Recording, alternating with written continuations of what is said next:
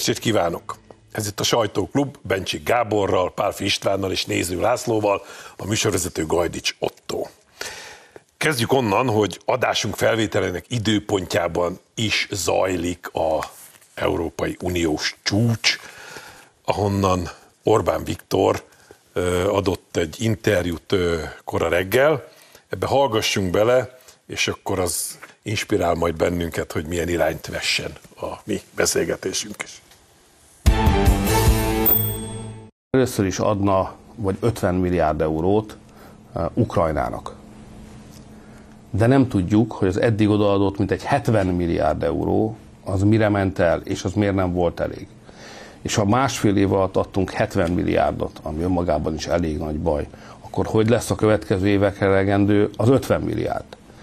És ki az, aki ezt ellenőrzi, hogy valóban arra költik el, amire adjuk. Szóval van egy zűrös ukrajnai pénzügyi csomag.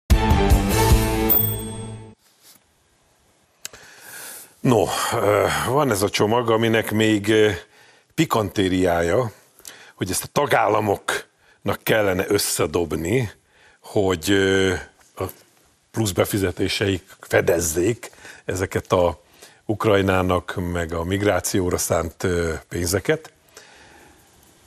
Többek között Magyarországnak és Lengyelországnak is, akik még az előző pénzekből sem kaptak egy árva fillért sem, úgy, hogy ennek a hiánynak, ami ott Brüsszelben keletkezett, része annak a hitelnek a kamata is, ami arra szolgált volna, hogy mindenki tudjon fölállni a Covid okozta nehézségekből, de hangsúlyozom, most olyan országoktól várnak pótbefizetést, akik abból se láttak egy fillért se. Na most ebben a kontextusban, szövegösszefüggésben hogyan értékelitek azt, ami Brüsszelben zajlik? Az az embernek folyamatosan a benyomása, hogy nem, mintha a Európai Unió vezetőinek nem volnának terveik. A hosszú távú terveik, mintha nem lenne végig gondolva, hogy jó, most csináljuk ezt, most csináljuk azt. És aztán ismeritek a mondást, hogy, hogy mi lesz, azt, azt már tudom, csak hogy addig mi lesz, azt nem tudom. Sajnos itt most fordítva van, addig mi lesz, az a, tömjük, tömjük a pénzt, de aztán mi lesz? Hogyan fog ez megoldódni? Igen, most ugye a, a, annak a hitelnek, amit nem Magyarországnak és ö, Lengyelországnak nem is adtak oda, a kamatai a háborús infláció miatt megemelkedtek. Fizessünk még több pénzt. Teljes képtelenség, szóval, hogyha az ember belehelyezi a világ folyamatokba, már pedig oda kell belehelyezni, akkor azt lehet látni, hogy az Európai Unió képtelen a saját érdekeit vinni miközben ennek a háborúnak vesztesei vannak, Oroszország is szerintem vesztese, Ukrajna tragikusan vesztese, vannak nyertesei is. És nem várom azt, egy magyar választó nem várja azt, hogy Európa nyerte, nyerjen ezen a tragikus háborún. Tehát legalább hagyja abba a a vesztést, hagyja abba az önleértékelést, hagyja abba azt a folyamatot, ami a versenyképességét lerombolja Európának, és más országok számára teszi lehetővé, más kultúrák, más gazdasági körök számára teszi lehetővé, hogy fölénk kerüljön.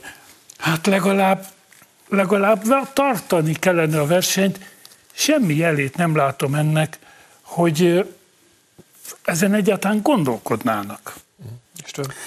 Hát ugye ebben a 27-es Európai Unióban vagyunk mi békepártiak, és vannak a háborúpárti országok, és hát a háborúhoz három dolog kell. Hát ebből kértek most hármat, ugye, mert pénz, pénz, pénz kell. Bár talán nem mondta Kukoli, mondta, nem egy másik katona, hogy trekóze, szíre, danari, dénárok, ugye, danari, epoi, danari, tehát valóban, ezt most kérik, ezt a 50 milliárdot. De hogy, hogy kontextusába is helyezzük az egészet, hogy mekkora pénz ez, hogy miről van szó. Ugye az fontos, hogy mondjuk nagyjából, nagyságrendekről beszélünk, egy 7 éves Európai Uniós költségvetési ciklus, az mondjuk 1000 milliárd euró. 1070 valami. De nem ez a lényeg, hanem az, hogy azon célokra, amik itt a béke, a védelem, a biztonság, eh, a migráció, a határvédelem és ezek a dolgok, erre körülbelül mondjuk 200 van. Na most megvannak a számok nekem pontosan, alig több mint 200, és már elment 70 milliárd Ukrajnára, és most kérnek még 50-et. Tehát ehhez képest egy írdatlan összeg.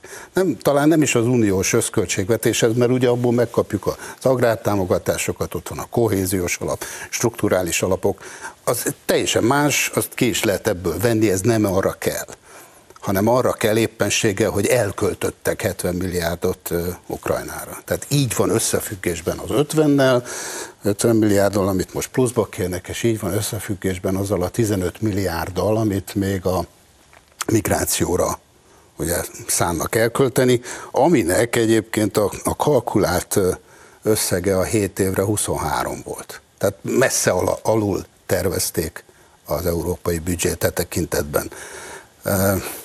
Talán ennyi most így a kiegészítés. Hát nagyon sajnálom, hogy nem egy fél nappal később vesszük fel uh-huh. ezt a műsort, mert így pontosan nem tudjuk, hogy miben döntöttek, ha döntöttek egyáltalán az uniós csúcsvezetők, sem a költségvetés módosításának kérdésében, sem a migrációs ö, ö, helyzet kezelésében, illetve hát abban, hogy a döntött a, a belügyminiszterek tanácsa, az Európai Tanács csak egy nyilatkozatot akart elfogadni, amit ugye Magyarország és Lengyelország egyelőre akadályozott, hogy aztán mi lett a, azt mond, még egyszer mondom, nem, tud, nem tudjuk most ebben a pillanatban. És ez azért is lenne fontos, mert azt látjuk a tegnap esti eseményekből, hogy a csütörtök este már folyt az Európai Uniós csúcs találkozó, hogy a migráció kérdésében gyakorlatilag Magyarország és Lengyelország összezárt, úgy tudom volt néhány ország, amelyik tartózkodott a szavazásnál, de hogy a költségvetési vitában ott mintha nagyobb ellenállás lenne a tagországok részéről, legalábbis az előzetes hírek szerint. A németek mondták, hogy ők egy film. De hát most ugye arról van szó, hogy a, a tagállamoknak kellene többet, még többet befizetni, mint amit e, egyébként eredetileg terveztek, ezekre a célokra, amikről beszéltek. Csak bennem felmerül a két kérdés, hogy nem csak az a kérdés, hogy hova költötte Ukrajna ezt a 70 milliárd forintot, amiről beszélt a miniszterelnök úr, hogy azzal el kellene számolni, hogy miért támogatjuk mi 70 milliárd dollár, euróval Ukrajnát. Miért? Meg tudja ezt valaki? És miért akarunk még 50 milliárd eurót nekik adni most? Miért? Hiszen lépten azt mondják az ukrán vezetők, hogy ők egy szuverén ország, amikor bárki megkérdőjelezi, akkor azt mondják, akkor kiosztják, mint például Orbán Viktor, hát kérem szépen, mi egy szuverén ország, hát a szuverén ország, akkor szuverénen döntsék el, hogy van -e erre a dologra, a háborúra, vagy a békére pénzük, vagy nincs rá pénzük. Ha nincs rá pénzük, akkor, ahogy említetted, pénz, pénz, pénz kell a háborúhoz. Ha nincs pénz, akkor nem kell háborúzni, akkor békét kell kötni. A másik dolog meg, hogy nem csak erről van szó, hanem ugyan sokkal kisebb tétel, de az Európai Uniós intézmények béremelésére is kérnek pénzt. Hát ilyenkor aztán az ember egy kicsit úgy felhorgad a, a jó érzés, hogy elmennek ők a, oda, ahova te szoktad mondani. Ahova mi gondoljuk. Egyébként bocsáss meg, de jó, hogy mondtad a németeket, mert ugye a németek kategorikusan ellene vannak bármiféle plusz befizetésnek. Attól még simán befizetik, mert a németek már annyi mindenek viszont, ellene viszont voltak gazdagok, aztán. Igen, viszont gazdagok megtehetik. De pont azért mondom azt, hogy, hogy jó, hogy felhívtad erre a figyelmet, mert van egy ilyen, ilyen takarékos országok csoport, ez, a, ez egy négyes, ugye a, a dánok, hollandok, svédek és az osztrákok. Egyébként, hogyha körül rajzoljuk a térképen, a németek van, volnának ebben középen, tehát azért itt ez a takarékos mező, ez, ez jól tetten érhető, akik viszont kategorikusan ugyanazt mondják, hogy nem fizetnek. Uh-huh. Most ezzel könnyen meg tudják eh, borítani ezt. A... Igen, a cseh elnök viszont bejelentett, hogy jó, hát amennyit kell. Igen, igen, igen. Azért annyit még hadd tegyek hozzá. Szóval, hogy mindent lehet. A politika egy bonyolult játszma, pénz, a politikát pénzből csinálják, a belpolitikát és a külpolitikát és a világpolitikát, és mindent lehet. De mire megy ki az egész? Azt látnánk, hogy az unió vezetője, akiket beterjesztették, látják, hogy mi lesz a vége. Odaadjuk az ötvenet. Tegyük föl, oda megszavazzuk. És jövőre megint ötvenet, és ha az, az is elfolyt, akkor szóval mi, mire megy ki? Hogyan készül Európa arra, hogy, hogy egyszer abba kell hagyni ezt a, a dolgot? És mi, mi, milyen végeredményt remélnek, és azt miért nem mondják el a népeknek, hogy add, ezt szeretnénk elérni, és ha nem érjük el, akkor kiszállunk a buliból. Kicsit visszatérnék arra a szempontra, amit Lengyelországgal és Magyarországgal kapcsolatban mondtam. Próbáljátok már az, azon keresztül szűrve végig gondolni, hogy Laci kérdésére mi lehet a válasz, hiszen két Európai Uniós tagállamot megfosztanak a forrásoktól, és odaadják Ukrajnának, aki pedig nem uniós tagállam eleve így is fölvetődött a pénzhiánynak az oka, hogy nem arról van szó, hogy a nekünk járó pénzeket is már odaadták, és most azt is próbálják pótolni, de nem azért, hogy nekünk adják, hanem azokra a dolgokra, amit, amit eh, István eh, eh, felsorolt. Szóval, hogy innen kezdve ez, ez fölveti a hűtlenkezelés, a költségvetési csalás és mindenféle problémát, hiszen nem arra fordítják a költségvetésben szétosztott, megcímkézett forrásokat, amire azok valók, hanem valami egészen másra, és nem az európai érdekek, az európai emberek érdekei szolgálatában, hanem valami egészen másnak a szolgálatában. Na ezt, ezt egy picit vesézzük már ki, mert szerintem ez izgalmas terem nem igazán látjuk át, hogy szóval ezeknek a, pénzeknek nincs pántlikája, nem tudjuk, hogy, hogy melyik pénz hova ment. Egyébként, ha az Európai Unió a világ jobbításán dolgra akarna pénzt költeni, akkor még nagyon sok helyre költhetne. Például arra, hogy a migránsok, hogy a szegény országok vállalkozók kedvű fiatalemberei ne ide jöjjenek, hanem otthon találjanak boldogulást. E, ez pénzzel segíthető ez a folyamat. Váltik, én azt látom, hogy, hogy futnak az események után. Az egész unió iszonyú pénzekkel fut az események után, anélkül, hogy egyáltalán látná, hogy az események hova futnak ki, és hát ez, ez a létező legrosszabb politika. Ugye átjárható a költségvetés egy bizonyos szintig.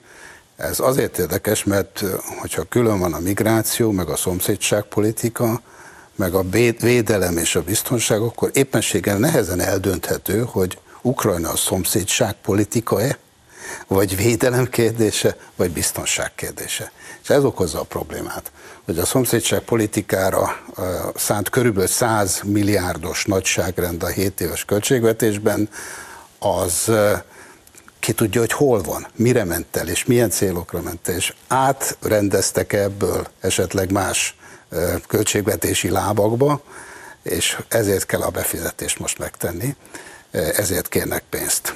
Uh-huh. Azt mondtad, a magyar és a lengyel szemüvegen keresztül nézzük meg. Oké. Okay. Minket ugye azért büntet az Európai Unió, mert jogállamiság, meg korrupció, meg mindenféle vádakat hoznak fel ellenünk. Lengyelország hasonlóképpen igazságszolgáltatási reform egyebek. És ezért mi nem kapunk pénzt, mert az Európai Uniós értékekkel szembe megy a magyar és a lengyel kormány, ezért nem adhatnak pénzt. Na de hát az ukrán kormány az vajon mennyiben felel meg ezeknek az Európai Uniós értékeknek? Ukrajnában katonai diktatúra van. Hát a demokráciáról ott beszélni azért egy elég nevetséges dolog. A világ egyik legkorruptabb állama volt és maradt. Az odaérkező fegyverek, pénzek egy részét simán ellopják. És akkor nekik lehet, nekünk meg nem lehet. Hát micsoda kettős mérce ez? Hát arról nem beszélve, hogy még egyszer megkérdem, miért fizesse egy magyar ember az ukrajnai háború költségeit? Mert ebből a pénzből, amit mi adunk, ebből fizetik a, nem csak az ukrán nyugdíjakat, meg a, a állami alkalmazottakat, ebből fizetik a katonákat, a felszereléseket, az élelmet, a soldot, a fene tudja, mi mindent fizetnek ebből, de én ehhez nem járultam hozzá, engem senki nem kérdezett meg arról, hogy én akarom ezt fizetni. És szerintem a német állampolgárt sem, meg a franciát sem, és lehet, hogyha megkérdeznék, akkor azt mondanák, hogy hát nem biztos, hogy én ezt akarom fizetni. Csak hát Európai Unióból egy dolog nagyon hiányzik, a demokrácia. Hogy megkérdezzék az embereket, hogy mit akartok ti. Sőt, tehát ugye német külügyminisztert szoktuk ide citálni ilyenkor, ő kerekperec kérdezett, hogy mit érdekli őt a német választópolgároknak a véleménye. Van még egy kis időnk, nézzük már meg, Laci nagyon óvatosan fogalmazott joggal, de itt a migráció kérdése is nagyon élesen vetődött föl az uniós csúcson és jól látszik a törekvésekben, hogy ez a lopakodó jogalkotás, amivel először keresztülverték a belügyminiszterek tanácsán azt a valamit, amit ugye a, a magyar ellenzék bőszen tagad, hogy dehogy is van kvóta, de a miniszterelnök a reggeli interjúban azért úgy világosan körülírta, hogy hatalmas befogadótábort kellene fölállítani, nekünk kellene az Európába bejövő migránsok ügyét, kérelmeit valami bődetes százalékban elbírálni. Tehát tulajdonképpen az történik, amit gondolunk, sejtünk, miközben elhangozni meg valami egészen más hangzik el továbbra is az európai hivatalnokok szájából, vagy, vagy vezetők szájából. Mit, mit láttok, merre megy ez a történet? Mi lesz velünk? Hát a, a migráció egy egészen cudarügy, mert valójában az egészet az mozgatja, hogy Európa, az európai civilizáció, hogy a pápa fogalmazott demográfiai télben van, nem születnek gyerekek, elmondják, körülbelül 30 éve elmondják, hogy például Németországnak évi fél millió emberre van szüksége ahhoz, hogy fönn tudja tartani azt a ipart, azt a működést, ami a német jólétet De Gábor, kimondták Németországban, hogy nem kell föntartani ezt az ipart, föl kell számolni. De akkor viszont tudom ezt a részét, e-, ettől is az ember a haja égnek áll, de ez, ez képtelenség, ez lehetetlen. Hát embereknek álláshelyek kellenek, akkor fizetést kapnak, és akkor ezt nyakon öntik egy ideológiával, Teljesen egyetértek a miniszterelnökünkkel. Németország azt csinál a saját országájával, amit akar. Mi erősen hozzájuk vagyunk kötve, hogy nekünk nem jó, ha Németország betegeskedik, mi is köhögünk tőle, de az ő országok azt csinálnak. De milyen jogon írják elő nekünk, a bolgároknak, a szlovákoknak, a lengyeleknek, a litvánoknak, hogy az ő szerintünk hibás politikáját kövessük. Uh-huh. Jogos. István? Egyre hívnám még föl a figyelmet, hogy ugye az Unió az mindig úgy működik, hogy ha közeleg a június 30, már pedig most, amikor felvesszük ezt az adást, pont annyi van, e, és a fél éves ugye, EU elnökséget is le kell zárni, tehát magyarán most a svéd munkát értékelni kell, és el kell fogadni. Hogy ez mennyi, mekkora pont a a kétnapos ülésen, azt nem tudjuk, de azért ez a svéd elnökség volt az, amelynek a belügyminisztere, a svéd kormány belügyminisztere a belügyminiszterek tanácsán ezt a migrációs javaslatot elővette, illetve megszölgezték. A franciák is tiltakoztak, nem csak szlovákok, magyarok és a V4, hanem a franciák is. De a svédek csinálták meg, eh, kinek a NATO csatlakozása kérdéses ebben a pillanatban? Svédek. Értjük, értjük. Azt javaslom nektek is, és nézőinknek is, hogy most egy kicsit szusszanjunk, és Lacival fogjuk folytatni a következő részt.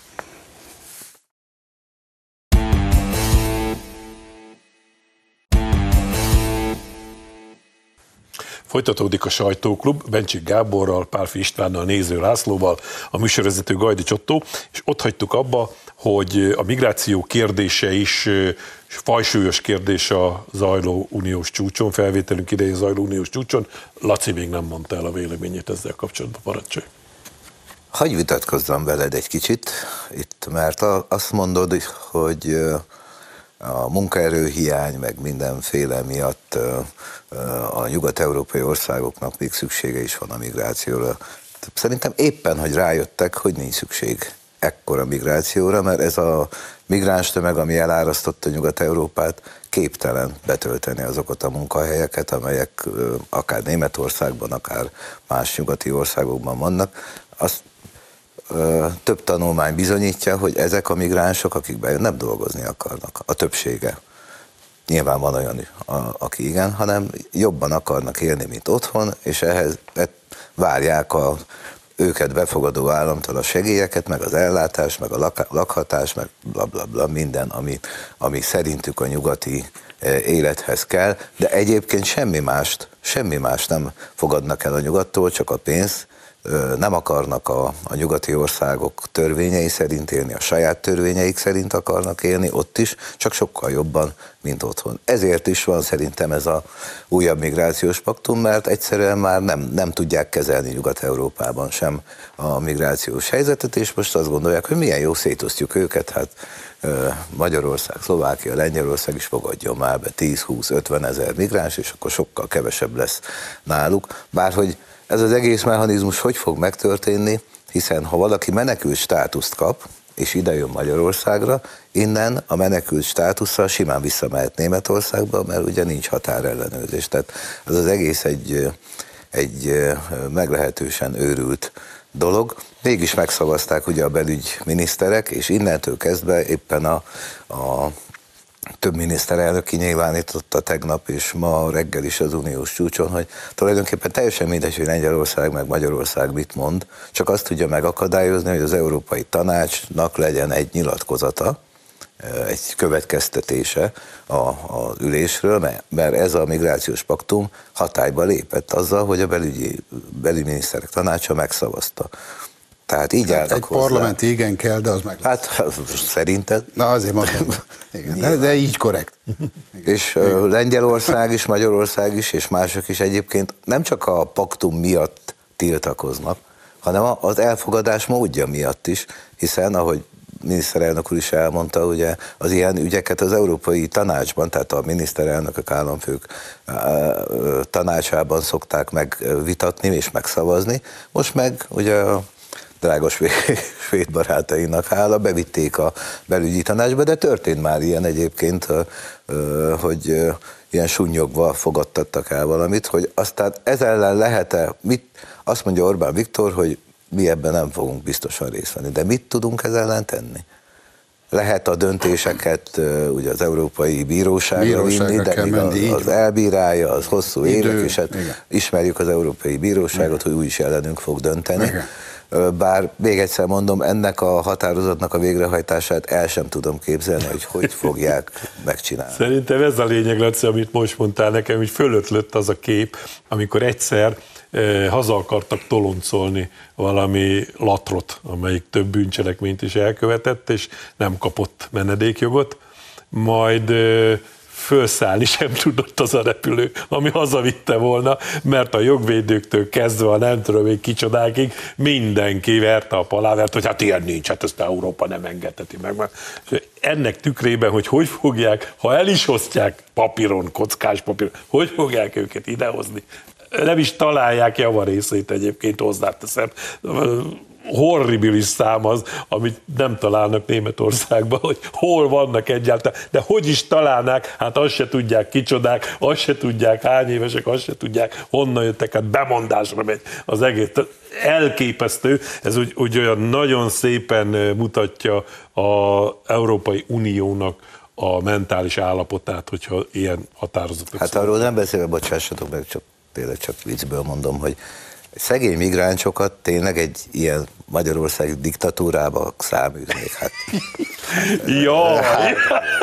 De azt is, ha tényleg elgondoljátok, hogy az a Derek Yusuf nagy pénzekkel, kínlódással elvergődik Berlinbe. És ott azt mondják neki, hogy kedves Yusuf, Irány vissza. A sors azt, azt dobta, hogy ezentúl neked Plovdivban. Ja, vagy irány röszke. És akkor Yusuf elmegy Plovdivba. Eszembe nem, hogy elviszik Plovdivba, ül a vonatra, és húz vissza Berlinbe a Na de mi van akkor, ha úgy akarják, ahogy miniszterelnök úr mondta, hogy zárt táborok, hát szegény migránsokat Zárt táborba zárni? Nem emlékeztek rá, amikor még azért kritizáltak bennünket, mert, mert volt egy zóna a határon, ahol ott kellett ücsörögni. Voltak Míg- már Európában ilyen zárt táborok. de Na jó, ebbe bele, bele, se, bele se gondoljunk, lépjünk inkább tovább, mert lesz még alkalmunk erről beszélgetni, hiszen, ahogy fogalmaztál, euh, még a miniszterelnökök és államfők is rágják a gittet ez ügyben. Viszont szintén az Európai Unióval, parlamenttel kapcsolatos hír, hogy Varga Judit, most már mondhatom úgy, hogy volt igazságügyi miniszter, vezetheti a Fidesz listáját a 2024-es európai parlamenti választáson, ezért lemondott a miniszteri posztjáról. Hallgassuk meg őt, és akkor utána kíváncsi vagyok a véleményetekre, mit szóltok hozzá. Nekem az a legfontosabb, hogy készüljek a következő feladatra, és nem leköszönök, hanem beköszönök. Gyakorlatilag egy sokkal... Vagy vissza. Hát Az Unióba. Az az igazság, hogy az elmúlt öt év, hogyha négy év miniszterséget és egy év uniós államtitkárságot összeszámolom, az gyakorlatilag mindegy hatalmas tapasztalatgyűjtés volt azzal a célra, hogy most ezt, ezt a nagyobb feladatot el tudjam látni, hiszen 20 év uniós tagság után 2024-ben én gondolom, hogy Magyarország is szintet lép az uniós politikákban, eddig letettük az asztalra a névjegyünket már, és nagyon fontos, hogy mindazt, amit eddig a kormányzati pozícióból képviseltem, most ott helyben direkt építve az ottani eh, nemzetközi kapcsolatokat tudjam sokkal hatékonyabban képviselni. Ugye az is világossá vált azóta, hogy Tuzson Bence lesz a miniszter, aki azonnal kérte, hogy az uniós ügyek kerüljenek ki ez alól a miniszterség alól. Nyilvánvaló ez összefügg azzal, amit Varga Judit mondott, hogy azt a területet valószínű, hogy ő fogja a továbbiakban is gondozni. Viszont a hazai ellenzék, akit csak nagyon szörmentén hoznék ide, bukásról hadovál, és semmit nem hisz el, és nem ért abból, amit Varga Judit az imént mondott. Ti hogy látjátok, mi történt? Hát egyik szemünk sír, másik nevet. Mert azért az egyik sír. Varga Judit egy fantasztikus képességekkel rendelkező személy, élsportoló, magas amatőr szinten klasszikus muzsikát játszik, nyelveket beszél, és egy nagyon rátermett politikus, olyan kiváló képességű politikus tudunk küldeni ebbe a nagyon fontos területre, az uniós birkozásba, amiről végig beszéltünk, aki ezt nagyon érti, tapasztalata van benne, most már kormányzati tapasztalata is van benne, úgyhogy arra, én arra számítok személy szerint, hogy ő nagyon jól fog tudni ott muzsikálni. Fiatal ember, hogy aztán a politikai pályája később merre kanyarodik, azt még nem Azt lehet majd tudni. meglátják azok, akik akkor is élnek. Hát, hogyha ezt a hasonlatot folytatni kell, akkor az én mindkét szememen némi hájog van, mert egyik sem sír, meg nem is nevet, nem, nem is látom nyilván, nem is láthatom oly tisztán. Az lényeges, hogy vezetheti, tehát itt a Fidesz elnökségnek még erről szavaznia, döntenie kell. Másfelől meg, ha vezetheti majd, akkor tényleg jó választás lesz.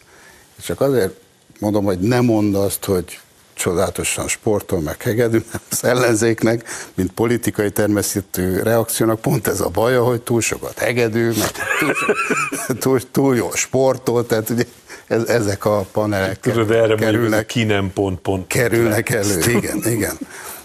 De kiváló választás, ismeri a terepet a miniszterasszony, vagy a volt miniszterasszony, és beszéli az összes olyan nyelvet, amit ott az új német-római birodalomban, az Európai Unióban beszélnek, új latin nyelveket, olasz, spanyolt, germán nyelveket, németet, angolt, tehát tökéletes választás. Csak egy megjegyzés, hogy július 31-ével mond le, tehát még per pillanat ugye ő az igazságügyi miniszter. Nyilván a Tuzson Bencének a kinevezése egy hosszabb folyamat, parlamenti meghallgatás. Világos. A másik meg, hogy ahogy Otto mondta, hát kit érdekel, mit mond az ellenzék. Nyilván azért szólják le Varga Juditnak a, a, a zenei tudását, a sporttudását, a politikai tudását, mert ők hiába vannak ennek, és irigykednek.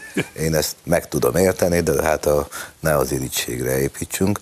De a konkrét kérdéssel megkerülve, én azt gondolom, hogy a Varga Judit választása a leendő listavezetői posztra egy üzenet is Nyugat-Európának, mert egy igen fajsúlyos politikus kerül így a, az Európai Parlamentbe, hiszen az, ha ő lesz a listavezető, az borítékolni lehet, hogy biztosan bekerül az Európai Parlamentbe. Egy tagot biztosan be tud a Fidesz vinni, de hát a mostani, Nagyon állás, vagy. a mostani állás szerint akár 12-szer annyit is, mint egy. Tehát egy üzenet, hogy egy fajsúlyos, komoly, nagyon intelligens politikust küld a Fidesz az Európai Parlamentbe, akinek, ahogy elmondta, az a feladata, az is a feladata pontosabban, hogy egy kicsit megszervezze a nyugat-európai, vagy mondjuk így az Európai Unión belüli konzervatív tábort, kapcsolatokat teremtsen, szövetségeket kössön, mert bár most minden felmérés azt mutatja, hogy nem lesz átütő, átütő erejű konzervatív győzelem a, a következő európai parlamenti választáson, de az sem lehetetlen, hogy sokkal jobb eredményt fognak elérni, mint ahogy most a mostani felmérések mutatják. Nézzük meg az AFD-t, nézzük meg a Voxot, van egy csomó nyugat-európai párt, amelyik nagyon erősen jön fel, és nem mindegy, hogy milyen arányban lesznek a, a mondjuk a, a hazafias erők az Európai Parlamentben azokkal szemben, akik ugye föderális Európát akarnak. És hát Varga Judit azt is elmondta, hogy tulajdonképpen az, az ő munkája a minisztériumban és az Európai Uniós ügyekben befejeződött. Az igazságügy átalakítása az Európai Uniónak megfelelően megtörtént, bár nem minden elértünk egyet, de megcsináltuk. Az európai ügyekkel kapcsolatban meg, amit lehetett letárgyalni, vagy megtárgyalni, megtárgyalt, az ő munkájára már gyakorlatilag nincs ott szükség, sokkal nagyobb szükség van egy ilyen e, európai kampány van rá, mint a minisztériumban. Üzenet, ez, ez fontos nagyon, amit a Laci hogy, mondott, hogy, hogy üzenet, vet, mert ráadásul is egyébként. Már olyannyira üzenet, és szerintem idő, időzítés is megfelelő, hogy a három hét múlva ugye esedékes spanyolországi választások szempontjából is üzenet a ottani Voxnak, és a, a szeptemberi, szeptemberi a lengyel igen, választás szempontjából is üzenet a, a jog és igazságosságnak Igen. Vették is, mert az a legújabb, hát van szövetséges ez a legújabb nyikhaj, amelyik állandóan az, igen, az már, az már poénkodott, hogy csak nem a néppártba készül vissza a Fidesz. Hát nem. Na jó, lépjünk tovább, és segítsetek nekem megfejteni egy rejtélyt a körülöttünk lévő világban. Megtanultuk azt, hogy háborús szituációban egyik oldalon lévő félnek sem lehet hinni, mert a dezinformáció az egy külön haderő nem. De ennyire eltévedni én még nem tévedtem el, hogy, hogy egyáltalán ne értsem, hogy mi zajlik, és csak annyi vigasztal, hogy azt látom a hírekben, hogy nem vagyok ezzel egyedül. Úgyhogy most belehallgatunk majd Putyin beszédébe, Prigozsinnal, a Wagner lázadásával kapcsolatban, és akkor próbáljuk már megfejteni. Szerintetek mi, mi történt? Mi, mi folyik így gyöngyösön? Nézzünk bele.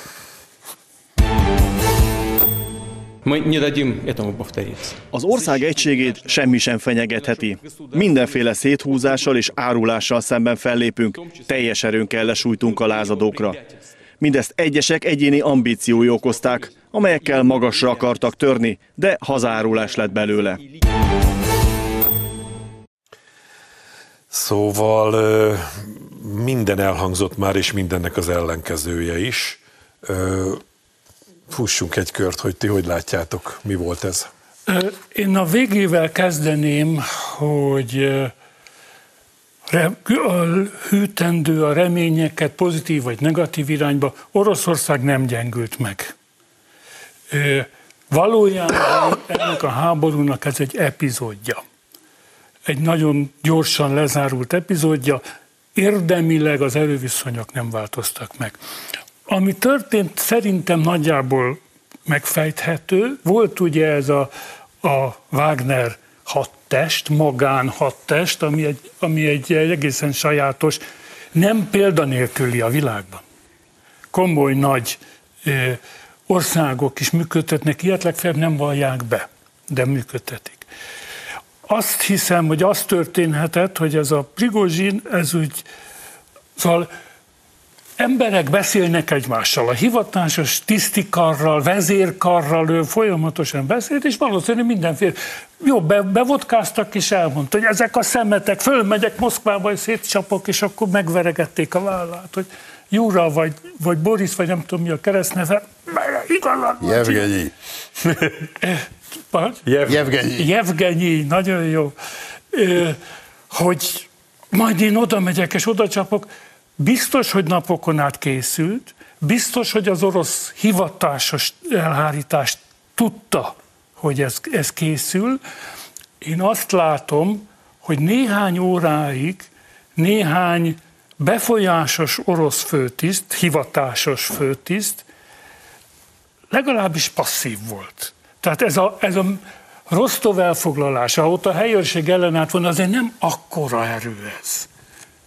Legalábbis tűzharcokat tudott volna produkálni.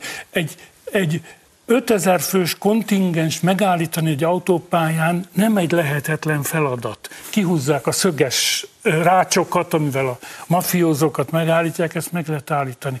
Az a gyanúm, hogy egy picit elgondolkodtak ezek a főtisztek, hogy várjuk meg, merre pattam, és nagyon gyorsan arra pattant, hogy nem, hát azért ez egy, ez egy teljesen komolytalan dolog, én az a gyanúm, hogy néhány tábornok vissza fog vonulni, akik túl sokáig töprengtek azon, hogy hogyan is sül ez a dolog.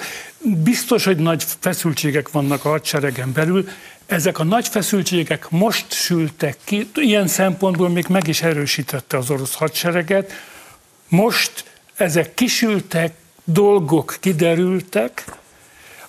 Ez az ember, ez, ez Régen a western filmekben volt ez a poén, hogy ott megy a Joe, ő már egy halott ember, csak még nem tudja.